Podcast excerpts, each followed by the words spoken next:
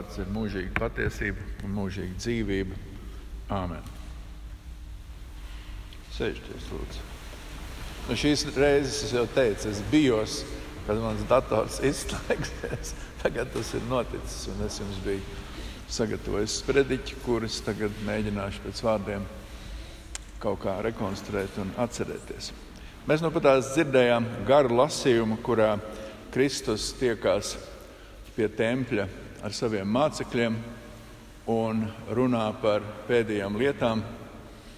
Un mācekļi visticamāk neiedomājās un nesaprata, kā mēs vēlāk no krustā sišanas notikumiem un Jēzus nodošanas notikumiem zinām, viņi neizprata un nesaprata to um, dramatisko, traģisko, mēs varam teikt, Uh, upuri, kas Kristum bija jāuzņemās un kā viņš piepildīsies un kā viņš būs. Bet cilvēku paļaušanās, arī mācekļu paļaušanās uz tādām stiprām un stingrām un nesatricināmām lietām, kā templis un Jeruzalem un Dieva apsolījuma vārdi pie tempļa pārprasti tādā pasaulīgā pla, pla, plakanā un un, un, un mīsīgā materiālā veidā, ka Kristus uz to saka un brīdina mācekļus, ka nu, viņš ir nācis kā cietējs kalps, kā Iesai saka, cietējs kalps, kā mazā rozīta ziediņš, kas ir pie nokautušā jēzus koka stumbra uzplaukusi. Bet tādēļ viņš un viņu mācekļi tiks vajāti, kā viņi jūs, kā viņi man ir ienīduši, Kristus saka, citviet, tā viņi arī jūs ienīdīs. To vārdu dēļ, ko Kristus runā uz pasauli un saka, ka visām šīm lietām, kā varenajiem tempļiem, un mūriem, un būvēm un reliģiskajām sistēmām, būs nieka vērtība tajā brīdī, kad viņš atgriezīsies tiesāt pasauli. Un ka šī atgriešanās, šo atgriešanos ievadīs kādi ārkārtēji notikumi. Mēs varam teikt, ka mēs skatāmies ziņas, klausāmies ziņas un vērojam notikumus pasaulē, kaut kā aizvien šķiet, ka nekas nav tā, kā ir bijis pirms tam, līdz šim, ka kaut kas sāk mainīties. Bet tā ir izlicies arī daudzām paudzēm pirms mums.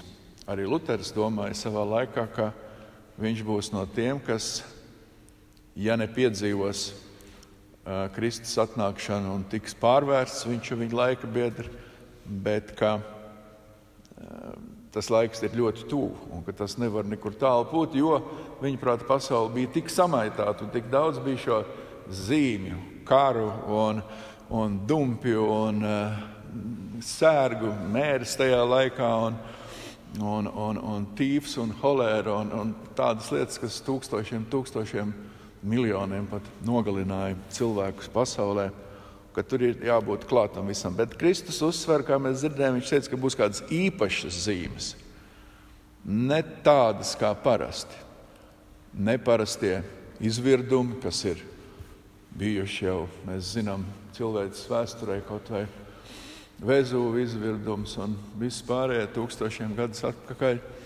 Ne arī tie, kas notiek mūsdienās, ne taifūni, tsunami, ne milzīgi ugunsgrēki kā Austrālijā, bet kaut kas vēl īpašāks. Mēs to, Kristus mūs uzaicina lūkot un vērot un būt piesardzīgiem un gudriem ka mēs zinām, ka šis laiks pietuvosies, pietuvojās, tad neskriet kopā neprātā ar visu pasauli, meklēt, kur glābties kādās nezinu, jaunās filozofijās, jaunās politikās, jaunās strāvās un jaunos gājienos, bet turēties pie viņu vārdiem. Kā viņš saka, viņa visa pasaule izkustēsies debesu pamati un pasaules stiprumi tiks izkustināti. Mēs to varam saprast kā iespējams kādas mums šodien absolūti pieņemams un saprotams fizikāls vai ķīmisks konstants. Viss tas sakustēsies, un viņa vārdi nesakustēsies.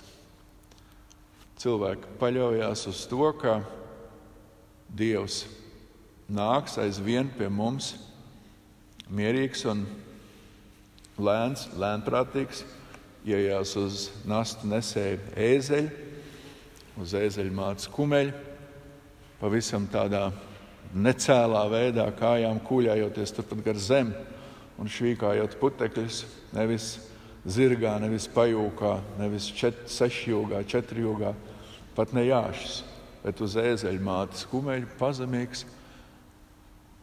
Tādu var nokaut, ja nepatīk viņa vārdi. Tādam var pretoties un to var neievērot. Tā vietā celt savu reliģisko sistēmu, kā farizēji, vai arī mūsdienās dažādi tie, kas novēršas no Bībeles, kritizē Bībeles vārdus un baušļus un uzskata, ka šodien ir gudrāki un stiprāki un varenāki. Un šķiet, nekas ar viņiem nenotiek. Viņi plaukst un zeļ un drīzāk jau tie, kas klausās un uzklausās un seko Kristus vārdiem, drīzāk tie tiek vajāti, ko arī Kristus saka, kā manu vārdu dēļ, kā mani liecinieki, jūs tiksit vajāti, ja viņi vajājuši mani, tad viņi vajās arī jūs. Jo kungs, kalps nav lielāks par savu kungu. Ja viņi vajāja pat kungu, tad viņi vajās arī jūs. Bet mūsu Bībele brīdina daudzās un dažādās vietās, vecajā darbā un jaunajā darbā Un, uh, Jāņa atklāsmes stāsta par šo garīgo cīņu, kas notiek pasaulē, notiksies un norisināsies līdz beigām, kad parādīsies šīs zīmes, brīnumainās zīmes. Skatieties un vērojiet. Neviens nezina, kas tās ir un kas tās būtu. Varbūt viņas notiek jau šodien, varbūt tas vēl ir šo lietu ievadījums, grūti to teikt. No viens to arī nepateiks, jo Kristus saka, ka šo stundu neviens neizskaitļos, bet viņš brīdina, Bībele brīdina, ka lai arī kungs nāk žēlīgi un pacietīgi, tā ka liekas, ka viņa pasaulē nemaz nav klāta vispār. Un tomēr jūs katrs savā dzīvē būsiet pamanījis, savā ticības dzīvē, ar atbildēm uz jūsu lūgšanām, ko Dievs sniedz, jūs būsiet pamanījis, ka Viņš ir gan klāts, bet ka Viņš ir tāds kā kas kvēlojoši dakti, nenodzēš un aizlūz uz šo zāli, nenolauž kā citviet. Rakstos ir teikts, ka viņš ir tik maigs un tik žēlastības pilns, ka cilvēkiem šķiet, ka viņi var trakot un ārdīties un darīt visu, kas viņiem patīk. Zakt un krāpt un darīt pāri atraitnēm un bāriņiem, darīt pāri saviem pavalsniekiem, darīt pāri saviem kaimiņiem, darīt pāri saviem tuvākajiem, piekopt visu veidu grēkus un domāt, ka nekad viņas nekas nesniegs, jo tā tas izskatās, ka nesniedz. Līdz šim, ja mēs lūkojamies pavirši, un arī šeit pasaulē tomēr ļaunumu un neticību piemeklēs sots kaut kādā pavisam brīnumainā veidā, un ne tādā veidā, kā mēs to sagaidītu un iedomātos. Bērni mēdz neklausīt saviem vecākiem. Un tēvs un māte aizrāda un brīdina. Vienreiz, un otrreiz, un trešo reizi, un varbūt vēl nescik reizes, bet tad pacietības vads lūst un seko sots. Agrāk rīksta, tagad vai vai nekādā ziņā, bet uh, stiprs vārds vai varbūt sakratīšana, sapurināšana, vai varbūt tas, ka nedod bērnam to, ko viņš grib, un tas sāp visvairāk, vai tomēr pienāk brīdis, kad vadzis lūst, un, un tas šis tas sots seko.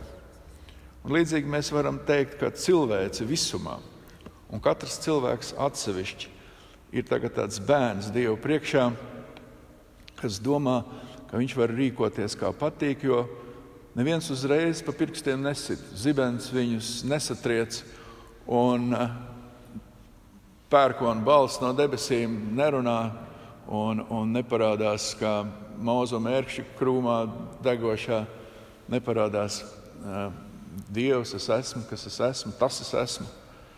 Un, un nesod uzreiz. Un tādēļ cilvēki kā tādi mazi bērni un cilvēce kā maza bērna, veselas tautas kā maza bērna, pilsētas un laikmeti domā, ka viņi var ņemt rīcības grožus savās rokās un grozīt tos, kā viņiem patīk.